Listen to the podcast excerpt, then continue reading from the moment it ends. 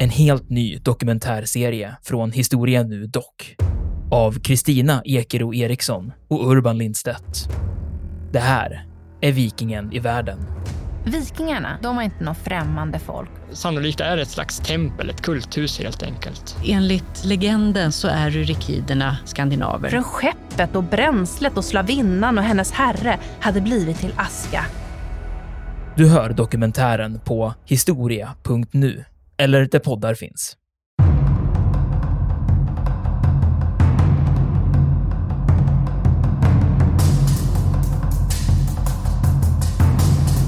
Belägringskrigföringen utvecklas i stor utsträckning. Användandet av murbräckor, eh, stormningstorn, belägringstorn och överhuvudtaget hur man skulle ta sig an en fästning. De kristna eh, undvek faktiskt ganska många gånger den här direktanfallen utan de svälte faktiskt ut de här muslimska garnisonerna. Det intressanta är att på muslimsk sida då så gör man inte riktigt det utan där är man mera benägen att faktiskt storma de här fästningarna rakt på. Det är ju därför att man hade eh, större möjlighet att, att eh, eh få in förstärkningar. Man hade helt enkelt mer folk.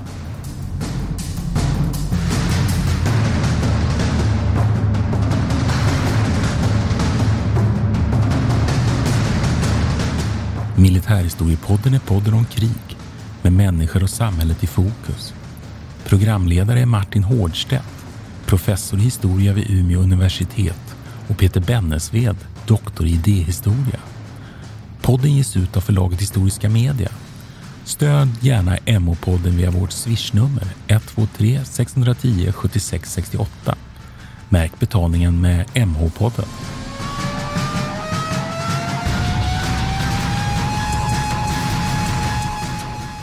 Välkomna till Militärhistoriepodden. Jag heter Martin Hårdstedt. Och det här är Peter Bennesved. Och idag är temat korstågen och vi kommer att egentligen avhandla den, den första inledande fasen av korstågstiden. Man delar det här upp det här ofta i många korståg. Vi kommer återkomma lite till en analys av det där lite, men, men man kan säga att vi kommer röra oss från, från egentligen 1090-tal och fram till dess att eh, Saladin återtar Jerusalem då från de kristna 1187. Så att det är tidsramarna idag. Eh, men Peter, korståg, vad är, kors, vad är ett korståg? Sa man korståg i, i sa man korståg på 1000-talet? Den här termen korståg är ju någonting som kommer mycket senare. Jag tror att den, den börjar generellt sett användas under, först under 1700-talet. Så att den här, det, det som vi, på engelska som är crusade, det är ju ett, ett ord som kommer mycket senare. Så man använder inte det på det viset när, när det här diskuteras på 1000-talet. Det är egentligen slutet av 1000-talet som det här börjar bli aktuellt. Egentligen tack vare Urban den andre, påven, eh, som 1095 håller ett, eh, de, håller ett känt tal med bakgrund av att han har fått då, eh, eller han har eh, precis pratat med eller fått kontakt med den kejs, kejsaren i Bysant, Bysantium, eller Konstantinopel. Eh, som rapporterar då att seljukerna, eller ett slags turkiskt folkslag, har, har spridit sig över det som idag kallas eller, eh, Turkiet eller Anatolien och trängt tillbaka det bysantinska imperiet. Så han eh, vill ha stöd då från väst, eh, från de kristna i väster. Och han ser detta som en möjlighet. Då, så att, framförallt är han intresserad av att få dit riddare. Men, men och, och, jag vet inte riktigt hur man använder det där, vad de kallade det i början. Det var egentligen som en slags pilgrimsfärd. Det finns väldigt skiftande åsikter om det här och vad man ska kalla de här första expeditionerna. Jag vet inte, det kanske är egentligen det bästa ordet som man kan använda sig av. Det var en slags expedition då. Ja, det är som du säger, att, att, man, att man blandar på något sätt eh, i meningen av det här, både då pilgrimsfärd som du pratar om, men sen också att det finns en militär betydelse. Men då mer att man tar korset och att det blir ett korståg. Och, och när vi definierar begreppet så gör man ju alltid väldigt stor sak, eller det är viktigt då att det är påven, alltså kristenhetens ledare som har, har accepterat och, och pekat ut det här korståget och att man ju också genom Precis. att begå då kanske Eh, gärningar i form av att man, man dödar andra människor så får man då så absolution för det här. Och det är väldigt viktigt. Så att det betyder att ett korståg, det, det för man inte bara i vilken riktning som helst och hur som helst, utan det är av påven instiftat så att säga. Det är viktigt tror jag. Jag tror att eh, påven Urban II gjorde väl också den här symboliska eh, gesten under det här talet också, att han liksom välsignade genom att göra ett korstecken egentligen och sa då att ni, att ni reser typ i korsets namn eller någonting sånt där. Och att man därifrån också har plockat upp eh, just namnet korståg. Och sen kommer ju de här benämningarna korsfarare. Mm. Till exempel. Då. Och vi kommer, kommer ju prata lite idag också om de här olika rid, riddarordnarna som ju skapas väldigt mycket för att just bedriva den här formen av militär verksamhet för att skydda kristna pilgrimer, viktigt, men också för att, så att säga, slå tillbaka det muslimska hotet, islams hot. Jag tror, jag undrar om det är så också att eh, eh, muslimerna eller den, eh, de grupper som, som regerar i de här områdena, jag tror framförallt de som använder det här eh, begreppet korsfarare mm. faktiskt. Mm. Medan man får, i västerländskt håll hade en liksom bredare definition av det. Hej, jag Ryan Reynolds. På Mint Mobile, we like to do the opposite of what Big Wireless does. They charge you a lot, we charge you a little. So naturally, when they announced they'd be raising their prices due to inflation, we decided to deflate our prices due to not hating you. That's right. We're cutting the price of Mint Unlimited from $30 a month to just $15 a month. Give it a try at mintmobile.com slash switch. $45 upfront for three months plus taxes and fees. Promote for new customers for limited time. Unlimited more than 40 gigabytes per month. Slows. Full terms at mintmobile.com. Quality sleep is essential. That's why the Sleep Number smart bed is designed for your ever-evolving sleep needs. Need a bed that's firmer or softer on either side? Helps you sleep at a comfortable temperature? Sleep Number smart beds let you individualize your comfort so you sleep better together. JD Power ranks Sleep Number number 1 in customer satisfaction with mattresses purchased in-store. And now save 40% on the Sleep Number limited edition smart bed for a limited time. For JD Power 2023 award information, visit jdpower.com/awards. Only at Sleep Number stores or sleepnumber.com. There's never been a faster or easier way to start your weight loss journey than with PlushCare PlushCare accepts most insurance plans and gives you online access to board-certified physicians who can prescribe FDA-approved weight loss medications like Wigovi and Zepbound for those who qualify. Take charge of your health and speak with a board-certified physician about a weight loss plan that's right for you. Get started today at plushcare.com slash weight loss. That's plushcare.com slash weight loss. plushcare.com slash weight loss. Jag tänkte på Urban den andra, det är ju kyrkomötet i Clermont, så att det, det, det, är precis som du säger, att han tar ju chansen att vända sig egentligen då till hela kristenheten, då 1095. Och så samlar man ihop då, det, det är ju konstigt att man ju går ju på något sätt, om man får uttrycka sig så, nästan lite man ur huse i Västeuropa. Då. Dels är det ju då jag menar, det är, är, högt uppsatta personer i dåtidens medeltida samhälle. Det, det är till och med det är furstar, det är riddare, men sen är det också vanligt folk. Och det här är ju spännande, den här mixen, därför att i, i Konstantinopel hade man nog helst egentligen velat ha riddare och yrkesmilitärer, men man får också en massa människor och det finns ju siffror på ända upp till 60 000 personer som kommer iväg så småningom. Nu kommer inte alla att nå fram. Eh, till det heliga landet, utan det är ju den här kärnan, den här militärt utbildade delen som når fram och intar, vilket vi kommer till Antiochia och Jerusalem så småningom. Men, men det är spännande och då är ju frågan, vad är det som är drivkraften här? Det är klart att det är, ett, då ett, det är Urbans eh, vilja att trycka tillbaks då. Men det fanns ju så mycket annat. Samhället på, det här, på den här tiden eh, var ju ganska stor kris, stor fattigdom bland annat. Ju. Eller hur? Och många människor som ju drev omkring.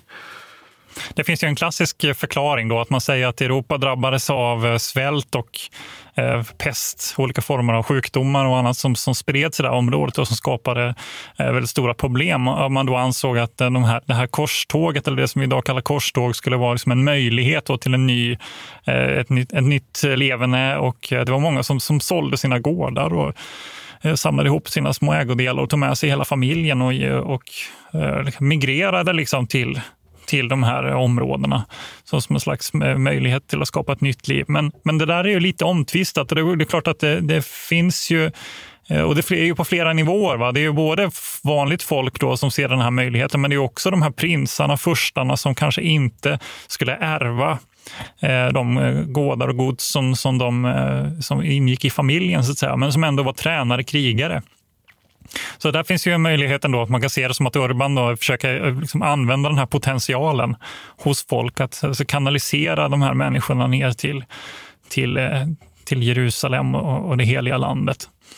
I någon slags förhoppning att de kanske skulle kunna bli, bli gods, eller vad ska man säga, furstar i, i de här städerna och ta över nya områden och på något vis bli kungar och furstar och prinsar. Och så finns det ju det som menar att Urban, som ju själv kom från det frankiska riket och hade ju den bakgrunden, han kände ju också till att många av de här riddarna, deras egentliga, egentliga enda kompetens, det var ju vapen, vapenkompetensen, att använda svärdet och lansen och för, för att göra det lite förenklare hela. Och han, den här, så att säga, vad ska vi kalla det för, över, ö, överenergin som fanns hos många av de här frankiska riddarskapet, den, den menar man att han, den ska man, man ska inte eh, förringa den förklaringen också. Att man behövde någon göra något av de här som du säger. De var liksom lite över, de hade ingen jord och de här kunde man då använda på, på ett nyttigt sätt. Och man kom ju iväg också och i flera olika vågor. Den här första korståget rör sig, bland en, en avdelning rör sig till havs faktiskt. Medan då eh, andra grupper rör sig över då mindre Asien. Och man kommer ju så småningom fram då till det området till den här staden och börja belägra Antiochia. Men jag tänkte att innan vi kommer så långt så kan man väl konstatera då att det bysantinska riket, det där Östrom, som vi har varit inne på, vi har, ju, har gjort ett avsnitt om Konstantinopels fall, det, det bestod egentligen av Grekland vid den här tiden. Man var ju, hade blivit tillbakatryckta av de här seljukerna som du pratar om här i mindre Asien. Så att, så att bysantinska riket var ju egentligen ett, ett, ett geografiskt sett europeiskt grekiskt rike vid den här tiden. Och sen kan man väl också konstatera att hur såg det ut då när det gällde de islamska områdena. Vilka? Jo, det är de här fatamiderna då och de sitter ju då i Egypten. Men i övrigt så var vid den här tiden egentligen de muslimska grupperingar som finns i det här området, de, de var inte så starka. Så här fanns det, här var det lite öppet för det här kristna första korståget. Mm. Samtidigt så undrar jag där, eh, det är också något som man, som man diskuterat inom eh, historikerkastet här nu. Hur, hur, stor del var, av det här korståget var liksom ett faktiskt hot? Eller man upplevde sig ha ett faktiskt hot från, från turkarna. Det är klart att ur Konstantinopels perspektiv så var det ju ett oerhört hot. För det här, den eh, turkiska expansionen hotade ju hela deras eh, liksom, världsordning på, på ett sätt. Va? Men hur stort hot var det egentligen mot Europa? Det, det tycker jag, den frågan är ju lite... Eh, det är upp till hur man tolkar den egentligen.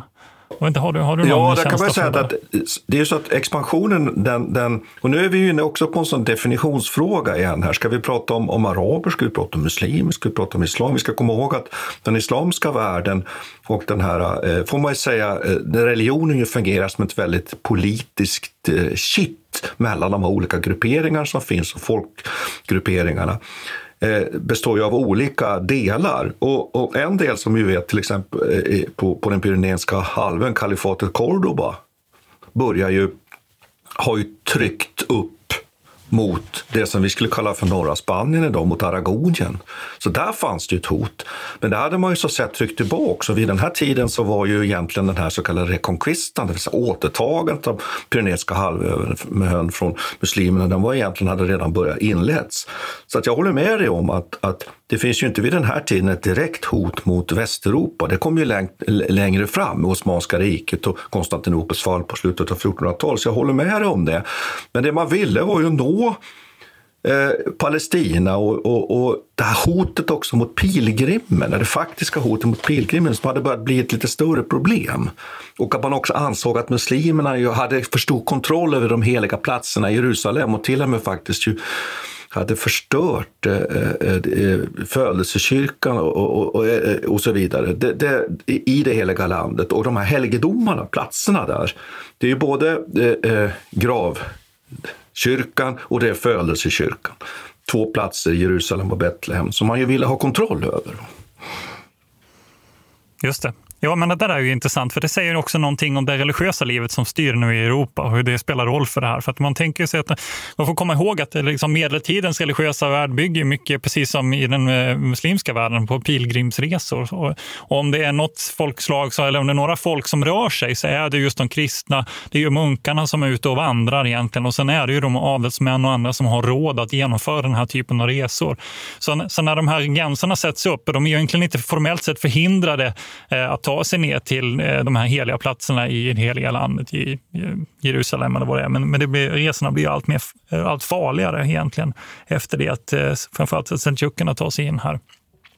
Så detta lyfts ju fram som en, som en väldigt viktig orsak. Då. Men jag, tycker alltid, jag blir alltid skeptisk när folk börjar prata om religion, alltså, får jag erkänna. När man säger att det är liksom, nu är det ju, det är ju på något vis lite paradoxalt eftersom det här är ett korståg, va, som en, en expedition i, i liksom Jesu namn. Men, men eh, jag blir alltid skeptisk. Jag är mer eh, benägen att tro på de här sociala liksom, orsakerna. Eller jag vet inte. Alltså, skulle, skulle pilgrimsresorna vara så, så, så liksom avgörande att man bestämmer sig för att skicka 60 000 pers till Jerusalem och liksom offra allt? Ja, men det, det jag tror att, att man får inte liksom underskatta betydelsen av den här religionens drivkrafter. Det, det, vill jag nog hävda. Och även när vi tittar på de här riddarordnarna som skapas, att de lever ju verkligen i asketism och och tror ju och är ju inte beredda att avfalla från sin religion när de blir erbjudna till att bli avrättade, när de blir tillfångatagna av, av muslimerna. Och jag tror att den här heliga gravens kyrka till exempel i, i Jerusalem, jag är övertygad om att den hade en väldigt central betydelse för människor. Att man gav sig ut på de här vandringarna och gick alltså ner till till Jerusalem. Jag tror att det hade betydelse. Man kan väl också komma ihåg att Jerusalem är också den tredje viktigaste heliga platsen för muslimerna. Och det är också viktigt att komma ihåg, precis som du säger, att de har samma system då med såna här. Och det gör att här, här clashar ju de här religionerna egentligen på en och samma plats. Så, eh, den här klippmoskén som finns ju då, Akaba-moskén då. Så att här fanns det en konkurrens om de här platserna och så Betlehem och födelsekyrkan. Och det som ju korsfararna gör sen när man skapar och etablerar de här korsfararstaterna här, det är ju att bygga väldigt fina helgedomar på de här platserna. Så att så jag tror att du, du ska nog räkna upp ändå den här drivkraften hos det här. Sen kan jag hålla med om att det kan vara svårt att avgöra alltid hos enskilda människor och grupper av individer, om det är det sociala, det ekonomiska eller det, det religiösa. Ja, men precis, men det handlar ju lite om också historieskrivningen efteråt. Här. För tänka att det som vi vet om korstågen är ju egentligen baserat på väldigt få skrifter och alla de är också skrivna av, eh, av munkar. Och, ja, det är Anna Komnena, den här eh, kejsarens, eh, ja, drottningen helt enkelt. Hon har ju skrivit en bok om det här. Men den skrevs ju 50 år senare och sen finns det också en av de här eh, riddarna som heter eh, Raymond, men jag minns inte exakt hans efternamn, han har också skrivit det. Men i, i övrigt så är det ju egentligen religiösa skrifter då som, som vi har att gå på. Och de har ju varit väldigt måna om att lyfta fram det, dels för, för, för att försvara det här korståget och alla, alla blodigheter och alla hemskheter som de ställer till med har man ju varit måna om att framhäva den här religiösa aspekten av det. Som en, alltså det var nödvändigt i Guds namn och bla bla bla. De hade sina reliker med sig och de, hade, de såg visioner. Och, och, gärna, och det var väldigt noga när man framhäva just det faktum att det var deras liksom, silotism, deras religiösa liksom, hysteri på något vis som, som gjorde att de vann de här legendariska slagen också i Antiochia till exempel. Så att jag vet inte, man, man får hålla sig väldigt skeptisk till det där tycker jag. Men det är klart att det är, det är svårt att bortse från mm. religionen mm. helt eh, i ett sånt här, i ett sånt här fall. Och, och där är vi också ja. inne på något som, är, som jag tycker är spännande, just att man ju eh, också ofta håller man ju på nästan att jämföra och ska vikta, så att säga. Vem, vem är det som är mest brutal och värst här? Är det, är det den kristna sidan eller är det muslimerna? Och det beror ju också på från, från härförare till härförare, person till person. Och, och där, om vi tar sen så småningom, vi kommer komma in på honom, Saladin sen, han, han har ju en strategi där han är ganska mild många gånger. Därför att det är ett sätt för honom också att visa att jag, jag känner ingen fruktan för de här personerna. Så att, och det visar sig också att vara ett problem för honom. Han låter ju faktiskt folk gå som sen kommer tillbaks och, och utgör ett hot mot honom. Och, och där är ju de kristna också på ett väldigt brutalt, vi kommer ju till det, alltså det mest brutala är ju intagandet här så småningom av Jerusalem där man ju avrättar i stort sett hela då stadsbefolkningen, om vi ska tro källorna, på ett väldigt brutalt sätt. Men jag tänkte att man når ju fram då till det här området där det finns då ett litet kungarike eller furstendömet då Armenien, där så att säga, den kristna armeniska befolkningen har tryckts ner mot Medelhavet. Det är ju så att säga liksom precis i hörnet om man säger, norr om Cypern och där så att säga mindre Asien övergår då i, i Levanten och Mellanöstern där. Precis där befinner man sig och där börjar man ju då med att belägra den här viktiga staden då Antiochia.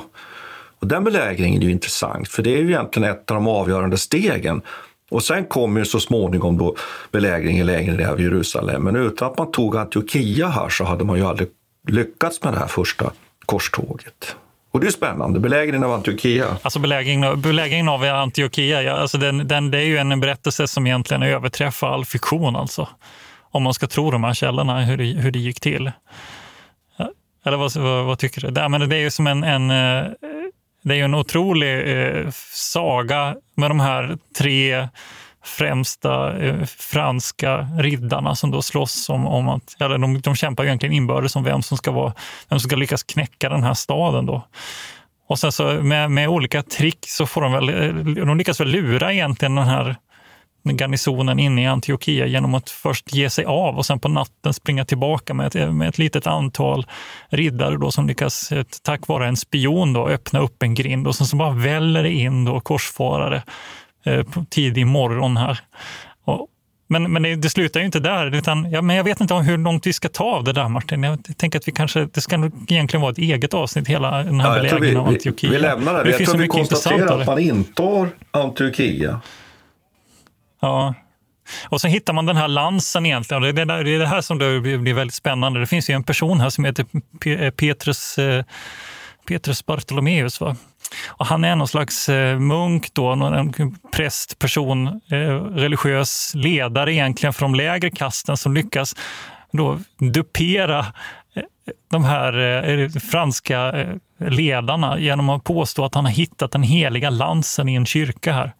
Och sen på olika vis så, så använder man den här då lansen som en slags relik eller som en slags moral-boostande symbol. Då, som, och med tack, vare, tack vare den så lyckas man då slå tillbaka eh, de eh, eh muslimska krafterna som kommer, eh, vad heter han, Kerboga, eh, som då försöker liksom rädda, rädda Antiochia egentligen. Ja, det finns något väldigt intressant i det här, men vi, vi får gå igenom det där mer noggrant i ett annat avsnitt. Tror jag. Men, men eh, slutsatsen är väl egentligen att man då befinner sig man, i, ett avgörande läge. Här lyckas man rädda hela expeditionen genom att slå iväg den här Kerboga och, och ta hela hans krigskassa egentligen och undkomma all svält och djävulskap man har ställt till med. Ja, man kan konstatera att det är väldigt rörigt egentligen på, på den kristna sidan under belägringen av Antiochia. Bysantinarna är med här och även den här stora massan av, av, av eh, trashankar egentligen som är med på korståget finns med här också. Men man lyckas inta Turkia 1098 och sen januari 1099 så, så marscherar man då söderut och, och lyckas då sen så småningom. Man inleder belägringen av Jerusalem i juni och sen intar man då Jerusalem den 14 juli 1099. Och, och genomför sen då en, en, får man väl säga, ganska uppmärksammad och, och, och eh, som jag uppfattade väl dokumenterad då, massaker på invånarna i Jerusalem. Och det här har ju ofta lyfts fram som en av de här, så här svarta fläckarna i, i, i den här eh, korstågshistorien. Eh, varför man gör på det sättet. Och det kan man ju diskutera det oändliga varför det händer. Det sker i alla fall. Och sen etablerar man ju nu då ett, ett korsfarar stater, eller korsfararstater här, som är uppdelade egentligen i tre delar. Då. Från, uppifrån då Eh, det här grevskapet Edessa som går en liksom en bit in nordöst. Sen furstendömet Antiochia, sen grevskapet Tripolis. Tripolis intas faktiskt efter Jerusalem och sen kungariket Jerusalem. Och där lyckas man ju alltså helt enkelt också sö eh, söderut från Döda havet och faktiskt också eh, skapa kontroll över en kil ner in på muslimskt område. Så att Eh, Eh, man är ju ändå upp, man uppnår ju en hel del av vad man uttrycker sig som sina krigsmål här. Och sen utvecklar man det här området. Det här är faktiskt en period sen då där man bygger väldigt mycket. Man, man bygger mycket inne i Jerusalem och man bygger också en hel del berömda borgar runt om i Palestina. Men problemet är ju att man är oerhört få. Det är egentligen ganska få riddare som finns vid samma tidpunkt i det här området. Och det är klart att när, när sen den muslimska sidan börjar organisera sig och får egentligen en, en ordentlig ledare, då är man i stort sett rökt, därför att då har man inte möjlighet att, att försvara det här området. Det tar alldeles för lång tid att få förstärkningar från, från eh, Västeuropa. Jag tror det är sammanlagt runt 25 000 personer egentligen, det är inte så mycket mer. Alltså. Nej, och, och det är kanske 300-400 riddare vid samma tid som finns tillgängliga här. Då. Normally being a little extra can be a bit much, but when it comes to healthcare, it pays to be extra. And United Healthcare makes it easy with Health Protector Guard fixed indemnity insurance plans. Underwritten by Golden Rule Insurance Company, they supplement your primary plan, helping you manage out of pocket costs without the usual requirements and restrictions like deductibles and enrollment periods. So when it comes to covering your medical bills, you can feel good about being a little extra. Visit uh1.com to find the Health Protector Guard plan for you. Quality sleep is essential. That's why the Sleep Number Smart Bed is designed for your ever evolving sleep needs. Need a bed that's firmer or softer on either side? Helps you sleep at a comfortable temperature? Sleep Number Smart Beds let you individualize your comfort so you sleep better together. JD Power ranks Sleep Number number 1 in customer satisfaction with mattresses purchased in-store. And now save 40% on the Sleep Number limited edition Smart Bed for a limited time. For JD Power 2023 award information, visit jdpower.com/awards. Only at Sleep Number stores or sleepnumber.com. This is Paige, the co-host of Giggly Squad, and I want to tell you about a company that I've been loving, Olive and June. Olive and June gives you everything that you need for a salon quality manicure in one box. And if you break it down, it really comes out to $2 a manicure, which is absolutely insane. It's also so easy to get salon worthy nails at home with Olive and June. The difference between how your nails used to look when you did them yourself and now with the Manny system is a complete game changer. The best thing about Olive and June too is it's a quick dry. Dries in about one minute, lasts for five days, and full coverage in up to one to two coats. Visit oliveandjune.com slash perfectmanny20 for 20% off your first system. That's oliveandjune.com slash perfectmanny20 for 20% off your first system.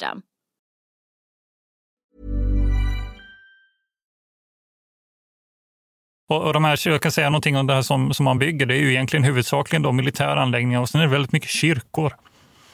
Det är egentligen kyrkor som man bygger i väldigt stor utsträckning. Så man, jag vet inte hur man kan, om man kan säga att de utvecklar liksom de här områdena något, något särskilt, vet jag inte. Det som finns kvar av, av den här korsfarartiden idag är ju huvudsakligen de här borgarna som du nämnde, de stora fästningarna.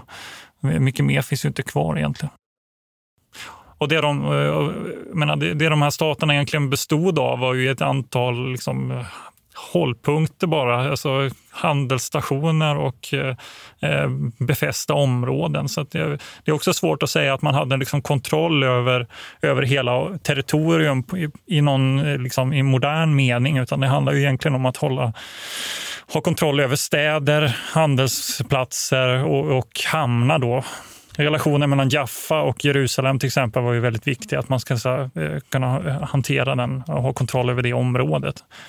Men liksom, längre inåt landet har man ju inte alls någon, någon eh, övergripande kontroll utan det är ett ganska laglöst område det här. Och sen är det sådana platser som du säger, du nämnde Jaffa här, men även Akre, Tyros, Sidon, Beirut. Och det är ju de man kan också underhålla utifrån då, där man ju har stöd av till exempel den venetianska flottan som ju kan föra in då dels förstärkningar men också bedriva handel och, och få in förnödenheter förnödenheter. Jag tänkte bara nämna det här. Crac de Chevalier är ju en fantastisk borg som ju byggs i, i, uppe i norra Syrien. Och det finns en del andra sådana här, Crac de Moab, Crac de Montreal också som ju står kvar än idag som, som någon sorts monument över den här kristna perioden. Eh, och det kan vara fascinerande att fundera på hur man lyckades eh, bygga de här fästningarna. Sen tänkte jag också en sak som, som ju hör ihop med den här tiden är ju, är ju uppkomsten av de här riddarordnarna, speciella eh, kristna riddarordnarna. Och där har vi varit inne på en faktiskt redan i samband med Malta, eller hur? Ja, Absolut. Men det, jag, jag funderar på det när jag läste på om det här, för jag, jag, har inte läst så mycket om just de här, hur de här eh, riddarordnarna. Men har de, har de att göra med de här olika eh, eh, ska säga, riddarledarna mm. också? Eller är de, har de uppkommit direkt ur klostren? Eller hur, ja, de uppkommer, liksom? Om vi tar johanniterredarna som vi känner till från Malta, som ju sen blir en militärorden, men de, de inleder ju egentligen som hospitalmunkar eh, som ska skydda och hjälpa pilgrimer på väg till helt enkelt det heliga landet på sina, för att genomföra sina pilgrimsfärder. Och där de håller då till exempel sjukhus men också härbergen för de här. Och sen utvecklas de till att bli militärorder. Sen har vi den stora orden, tempelriddarna, som ju kommer få en stor betydelse i medeltidens samhälle, som också är, ju är en, en, kommer att bli en del av maktkampen också faktiskt i det feodala västeuropeiska samhället. Och sen har vi ett antal till sådana här som man kan, kan nämna, bland annat tyska orden, som är kanske mest egentligen berömd därför att den ju har sin verksamhet så småningom i Baltikum. Uppstår de liksom som en konsekvens av, eh, av korståget? Eller finns det, jag menar Johanniterorden, finns inte de tidigare? Jo, men de är ju en eller? del av det här som vi var inne på, pilgrimsfärderna och också korståg, det militära. Så att liksom både det här pilgrimsfärdandet, om man uttrycker sig så, det religiösa pilgrimsfärdandet och det militära är ett och samma. Och eh, jag, jag tänker också på Sankt Thomas-riddarorden som var speciellt, speciellt för engelsmän. Det fanns en annan som hette Sankt Lazarusorden och så vidare. En del av de här blir väldigt kortvariga, men framförallt är det ju tempelriddarorden som man ju tänker på i det här sammanhanget. Men spännande med de här att de ju var per definition då munkar och underkastade sig ju alltså ett väldigt asketiskt liv. Sen kanske vi inte ska romantisera för mycket omkring dem, men det förefaller vara som att de ändå levde i stor utsträckning just på det här sättet. Och, och, och var, levde spartanskt liv och och höll sig till de här i någon mån, de här ordensreglerna och att många, som vi var inne på här, personer, högadliga riddare, fann sin, sin livsuppgift i de här ordnarna och att de utgör en enormt tung och viktig militär resurs under den ja, konkret krigföringen eh, för att skapa de här korsfararstaterna.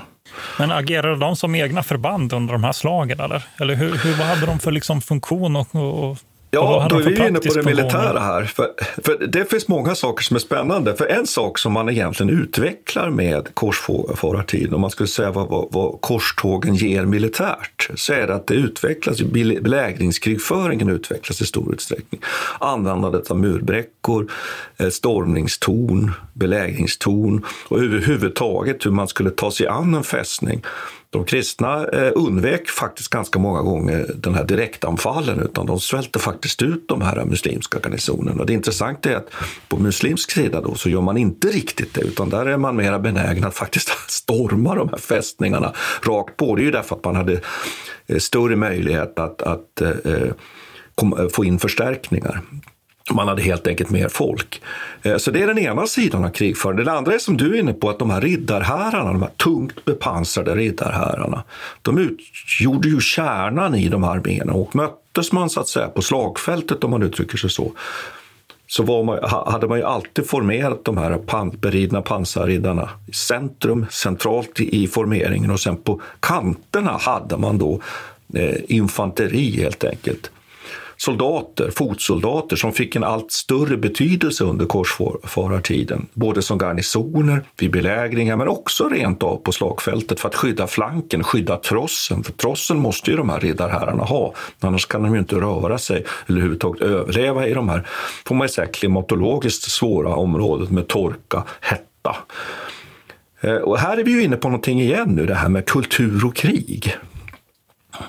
Att här möter ju västerländsk krigföring med gärna viljan att, att sätta in det där avgörande, att tunga attacken med det här tunga kavalleriet för att bryta igenom. Men vad kräver det? Jo, att motståndaren står kvar och är villig att slåss. Och möter man då istället ett sånt här, vad ska vi säga, harasserande eh, eh, kavalleri som egentligen anfaller mest för att irritera och, och, och, och tvinga motståndare, locka motståndaren till, till just anfall eller misstag för att komma in emellan och anfalla enskilda individer. Ja, det vill säga det muslimska kavalleriet. Att då blir det väldigt svårt att komma åt dem på ett slagfält därför att de står inte kvar. De flyttar ju på sig. när anfallet kommer. Ja, visst. Och sen är de för tunga också för att rida ifatt dem. Så de kommer Just inte precis. åt dem på det viset heller. Mm. Nej, för det, jag menar, de europeiska, ja, europeiska hästar som kommer in här så är ju otroligt tunga då, i jämförelse med de här eh, arabiska hästarna som är mycket snabbare och lättare och klarar sig bättre i de här klimaten också. Ja, men, eh, det, men det är intressant. Men om jag får göra en anakronistisk jämförelse här nu då. Om jag får ge mig i kast med det anakronistiska så tänker jag hela tiden när jag läser om de här eh, tunga kavalleriet så, så jag ser, läser det genom en slags teknologisk eh, vinkel här också. Kan man, kan man säga att de är eh, liksom medeltidens pansarvagnar som ju egentligen bara rullar in eh, och liksom befästa på något vis? De är, ja, de är ju väldigt svåra att ha ihjäl och det finns ju mycket vittnesmål om, om riddare som ser ut som eh, liksom piggsvin med alla med pilar som sitter över hela kroppen egentligen. För de, är så, de har så mycket tung bepansring att de klarar av det där. Va? Jag vet inte, är, det en, är det en rimlig jämförelse egentligen? De har ju lite samma funktion också, det att de bara kan kliva in och i princip så, så länge försvaret står kvar så kan de bara skära igenom som en lie eh, med, med sina lansar och svärd. Ja, jag, jag, tycker att det finns väl ett problem med den här jämförelsen. Det, den är väl, det kan vara rätt på så sätt att jag menar, pansarstyrkorna som vi kände dem under här världskriget med tysk krigskrigföring och så vidare, de sökte ju genombrottet. Så på det sättet kan man väl säga att det är lika. Men, men jag skulle mm. mer vilja jämföra med egentligen de här väldigt kompakta, falangliknande formationerna som man ser under 30-åriga krigets början, framförallt på den kejserliga sidan. Det som ju sen bland annat ju svensk eh, krigföring ju lär sig att hantera. Att de är väldigt svåra att manövrera. Och, och, och jag tycker att det är spännande, spännande egentligen då med den här eh, eh, eh, kulturella frågan är ju att ofta att de här muslimerna, ja, de, de ställer inte alltid upp och, och levererar batalj på liksom klassiskt sätt, utan de kunde många gånger hålla sig ifrån. De förlorar gärna ett slag inom citationstecken. Men, men så väntar de ut ett par veckor tills de här riddarna liksom är törstiga och hungriga. Jag håller med, jag håller med dig till viss del, men jag skulle säga så här, men det här är en teknisk fråga egentligen. Det är en teknologisk fråga. För det, det är de, alltså har man inte den möjligheten till järnframställning och har man inte, har man inte möjligheterna till att göra de här svärden, lansarna, vad det nu än är, eh, då har man inte, kan man inte heller föra krig på det, på det sättet. Där är det, som, det här lätta eh, kavalleriet som du pratar om, som, som Saracen har bland annat, det är ju, eh, de är ju, har ju bågar, de har ju pilbågar, för det är det som de kan framställa. Och då har man också utvecklat en krigföring som, som är liksom liksom anpassat till det. det behöver inte nödvändigtvis ha ja, eller man kan ju, klart man skulle kunna tolka det som en kulturell fråga, men det skulle lika gärna kunna vara, handla om de tekniska möjligheterna att genomföra liksom, krigföring på de här villkoren som är. Ja, men det där kan, det kan vi hålla med om. Ja. Men, men, jo, men då skulle jag ju vilja göra så här, för att vi vill ju inte vara ovänner tror jag Peter. Att vi skulle kunna kombinera, kombinera den här, att, att i det här krigets kultur ligger också teknologi, för det är också en form av liksom kultur på något sätt. Eh, Eh, men att man, det, det, vi kan konstatera är ju i alla fall att, att de här två sidorna har då, eh, inte, kanske inte fullständigt, men delvis två olika sätt att föra krig. Den ena sidan letar efter det här avgörande ögonblicket med det tunga kavalleriet, som du säger, det teknologiskt, får man väl säga, mer avancerade kavalleriet. Medan den andra sidan då, det lättare kavalleriet. Sen vet jag inte egentligen om det är rätt att säga att det var mer teknologiskt överlägset andra, men det var tyngre. Det är klart det hade, det hade mera Eh, stålvapen och så vidare som du säger. Men, men då är man tvungen att anpassa sig och det gör man. Eh, och det är det här som händer bland annat vid, vid det här berömda slaget vid, vid Hattin. Där ju eh, Saladin, som vi snart ska prata om, som är den som knäcker de här eh, eh kristna korsvårarstaterna så småningom och återtar eh, Jerusalem då 1187. Det som just händer i det slaget är att det här riddaranfallet, det liksom släpper den muslimska sidan igenom. Och sen blir de isolerade från sina fotsoldater och sen väldigt utlämnade och ensamma och sen så tvingas, tvingas de att ge upp. Så det finns exempel just på att det här inträffar under de här slagen.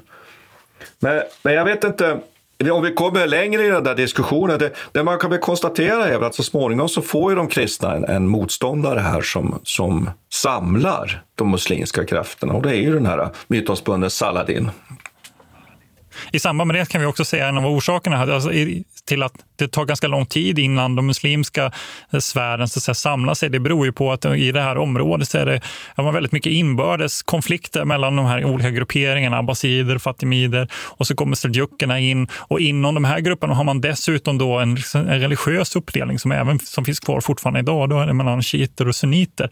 Så att en av orsakerna till att det också går ganska bra för korsfararna i det här första korståget, det har ju att göra med just att den islamiska världen är väldigt splittrad. Men det där förändras ju, eller hur? Mm. Ja, med, med, Saladin, Saladin. Som, som, ja, som, skapar då en sorts e- enande. Och, eh, han är mytomspunnen, man brukar också ofta framställa honom väldigt som en sån här hedersman, eh, oerhört skicklig strateg. Det finns olika uppfattningar om detta. Historiker, moderna historiker idag kanske eh, inte tycker att han var så vare sig hedersam i alla stycken eller så skicklig egentligen. Men han samlar den muslimska sidan och ger till och med, eh, startar ju upp en ny dynasti med utgångspunkter från Egypten och Syrien, ett stort område. Ajubiderna efter hans pappa faktiskt, ajubiderna. Man vet inte exakt när han är född har jag förstått i forskning, men 1137 är ett årtal. Han dör sedan 1193. Eh, och han blir ju den här motståndaren som ju då de kristna inte klarar av. Han besegrar dem slutgiltigt då i slaget vid Hattin juli 1187 och han intar då Jerusalem 1187. Och han bedriver då ett lite annat sätt att förhålla sig. Han släpper då bland annat ju den kristne kungen som är tillfånganstag vid Hattin och låter eh, faktiskt en del av, av det, det, det, övre ledarskapet komma undan. Däremot avrättas faktiskt de här eh, munkriddarna som, är, som vägrar att byta religion. De får välja mellan att konvertera. Så att man räknar ungefär med, och det är svårt med källorna som vi, som vi redan har varit inne på, här, men man räknar med att ungefär 250 kristna riddare faktiskt avrättades efter det här slaget. Men det gör att de kristna får ha kvar då en del av sina stödjepunkter, bland annat Acre. Och där då blir ju startskottet för det som sen kommer då en, en påfyllnad då med fler Eh, eh, eh, korståg. Då. För det kan vi ju säga här att man kan ju se de här korstågen då antingen som då ett visst antal korståg, 7 till 9, med liksom väldigt avgränsning, men man kan också se den här perioden som en enda stort sammanfluten skede som är mer indelat i olika större faser, det vill säga först då det vi har pratat om, den kristna återerövringen och sen den muslimska motattacken och sen en så att säga, form av kristen motreaktion på motreaktionen. Eh, och sen avrundas det ju här sen så småningom då så så ska man ju kunna, kunna uttrycka det här lite. Och man kan väl säga liksom att, att det finns ju andra korståg också, men det är framförallt då till slutet av 1200-talet som det här pågår. Då. Men, men eh, vad fick det för konsekvenser egentligen i förlängningen det här? Det är väldigt sägensomspunnet. Om man sopar undan det där romantiska skimret, vad får det för mm. konsekvenser egentligen? Ja, precis. Det är det som är intressant när man jämför de olika sidorna i den här, å ena sidan kristna Europa och det muslimska Mellanöstern, så så i, i början så är man ju ganska ointresserad av det från, från den islamska sidan. Att man tycker att det här, man ser det här liksom inte som någon slags stor, eh, stor händelse egentligen. Eh, något som har något särskilt, särskilt avgörande för deras del, utan bara som en konsekvens av att man är splittrade. Och, och det finns väldigt lite källor faktiskt från den muslimska sidan under de här första 50 åren. Utan det är först egentligen efter Saladin som det här blir mer av ett, eh, liksom ett sammanhållen. Hi, I'm Daniel, founder of Pretty Litter. Did you know cats tend to hide symptoms of sickness and pain? I learned this the hard way after losing my cat, Gingy. So I created Pretty Litter, a health monitoring litter that helps detect early signs of illness by changing colors, saving you money and potentially your cat's life. Pretty Litter is veterinarian developed, and it's the easiest way to keep tabs on your fur baby's health right at home. Go to prettylitter.com and use code ACAST for 20% off your first order and a free cat toy. Terms and conditions apply. See site for details. A lot can happen in the next three years. Like a chatbot may be your new best friend. But what won't change? Needing health insurance. United Healthcare Tri Term Medical Plans are available for these changing times Underwritten by Golden Rule Insurance Company, they offer budget-friendly, flexible coverage for people who are in between jobs or missed open enrollment. The plans last nearly three years in some states, with access to a nationwide network of doctors and hospitals. So for whatever tomorrow brings, United Healthcare Tri-Term Medical Plans may be for you. Learn more at uh1.com. Mom deserves the best, and there's no better place to shop for Mother's Day than Whole Foods Market. They're your destination for unbeatable savings, from premium gifts to show-stopping flowers and irresistible desserts. Start by saving 33% with Prime on all body care and candles. Then get a 15-stem bunch of tulips for just $9.99 each with Prime. Round out Mom's menu with festive rosé, irresistible berry chantilly cake, and more special treats. Come celebrate Mother's Day at Whole Foods Market.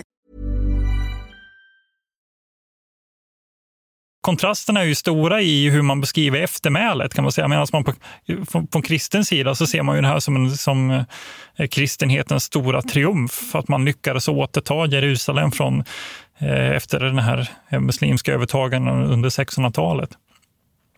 Men, men eh, eh jag vet inte riktigt hur, hur stor konsekvens det har rent eh, liksom, i någon slags... Ja, det finns ju en del kulturella, det kan man ju tänka sig, och då behöver man inte, som, kan man ju resonera sig fram till att det lär ha blivit en hel del kulturella överföringar mellan de olika områdena, men jag vet inte. Ja, men vi har varit inne på kyrkoarkitekturen till exempel och att man, man är, i muslimska sidan så tar man till sig bland annat det, det västerländska sättet att mura eh, murar. Det, det ser man sen eh, bland annat Saladin bygger en borg i Kairo faktiskt. Och, men det är inte framförallt så mycket vetenskapligt och litterärt utan däremot en del i övriga kulturkontakter i form av, av lite, lite små ekonomiska kontakter. Det vill säga att man får med sig en hel del nya växter. Eh, eh, aprikoser till exempel, sesamfrön och schalottenlök och sådana där saker. Det kan man ju skratta lite åt, men det finns liksom en, en kontakt här. Och sen har vi varit inne på det här med det militära. Där utvecklas ju en del sidor av krigföringen som man ju sen tar med sig faktiskt till till Europa. Men, men det här att man ju fortfarande förlitar sig på det tunga kavalleriet, det har vi ju pratat om i ett, i ett avsnitt om hundraårskriget och de engelska långbågarna. Så att det lär man sig ju inte att, att sluta med om man uttrycker sig så här. Däremot finns det en annan väldigt spännande intressant sak, tycker jag, en stor sak och den är att de här riddarorderna som utvecklas i och med korstågen, det brukar man ibland säga att det är grunden för egentligen det moderna etablerandet av ordentliga, som man uttrycker för, stående krigsmakter i de västeuropeiska länderna. Att man här plötsligt har någon form av professionella krigare, inte bara samlar ihop folk sådär lite löst, om du förstår, säsongsbetonat. Utan att man här plötsligt har en form av professionalisering av eh, militäryrket i större omfattning och att de här riddarordnarna då är en viktig del i den utvecklingsstegen. Så att här kan man nog säga att korstågen har en, en betydelse för Västeuropas militära utveckling vid sidan om det vi har pratat om taktiskt här. Och sen också då, om man skulle prata om operativt och med underhåll och sådana här saker, så så lär man sig under den här perioden också betydelsen av att liksom kunna ha med sig förnödenheter. Och för det är så oerhört svåra förhållanden nere i, i, i eh, eh Mellanöstern eller i Palestina. Men det här är mer spekulation från min sida, för det finns ingenting. Det är väldigt svårt att studera sådana här saker, men det är en sak man skulle kunna anta att man här lär sig mer om det. Det skulle vara intressant att veta också om hur, hur jag menar, de här bakomliggande faktorerna som vi pratar om, om det liksom löste sig. Jag menar, från, från påvens sida så var det ju här ett, en, en, en stor seger, framför allt att man tog Jerusalem då, 1099. Så blir man ju av med det. Så, det, här, det känner jag inte till någon, eh, hur, det där, eh, hur man tolkar det från den påvliga sidan. så att säga. Men det måste ju ha varit en framgång för Urban den andra framför allt. Och här har vi också en sån... Ja, ja, det, det, det, nu är du inne på någonting som är ja. ja.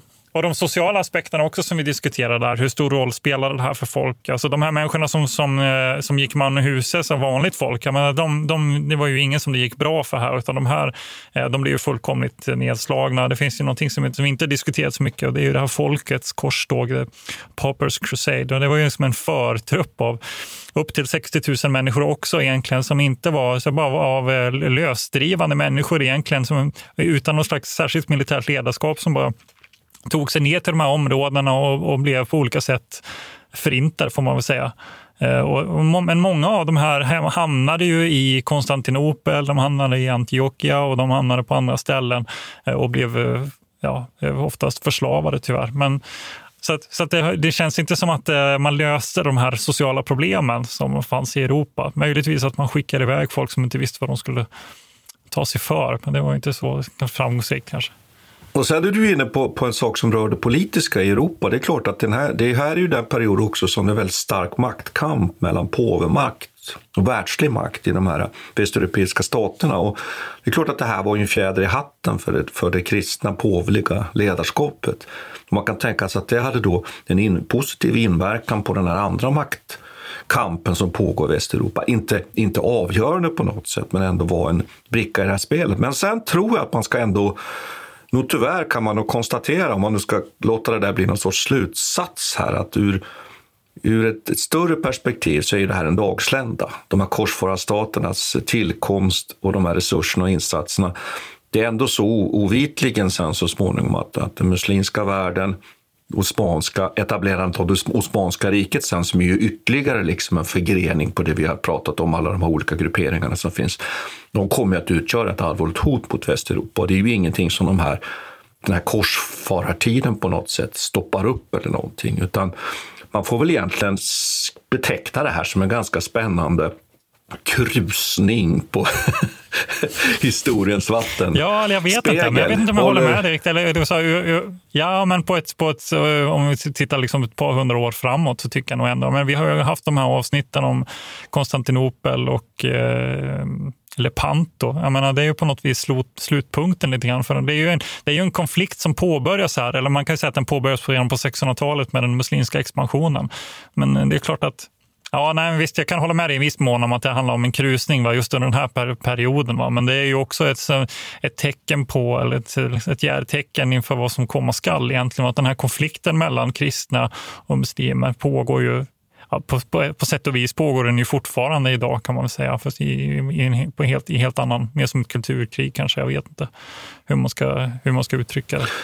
Ja, men jag vet inte. Jag, jag tror, att vi, jag tror att vi får avrunda korstågen för den här gången. Det finns säkert anledning att komma tillbaks till den här perioden. Den äldre perioden, den är ju spännande på många sätt. Vad, vad bjuder vi på nästa gång?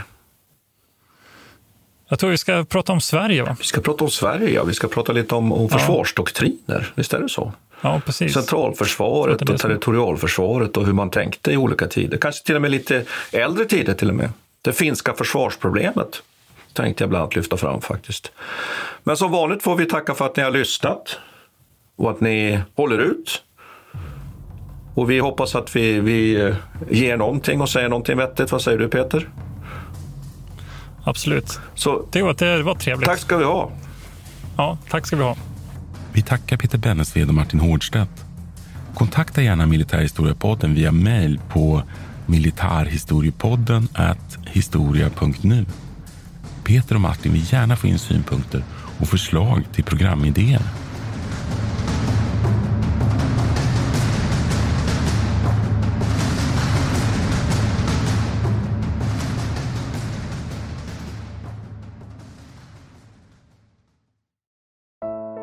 Iran har under 1900-talet genomgått tre omvälvande revolutioner som orienterat landet antingen mot västerlandets modell eller mot en auktoritär styrelseform. Idag pågår en social revolution i landet som vänder sig mot det islamistiska styret och vars anhängare har Europa och väst som förebilder. I en viktig bok ger idéhistorikern Mohammad Faslashemi en djupare förståelse för dagens dramatiska händelseutveckling. Iran mellan tre revolutioner är utgiven av förlaget Historiska Media Beställ den fysiska boken på förlagets hemsida historiskamedia.se eller köp den i en bokhandel nära dig.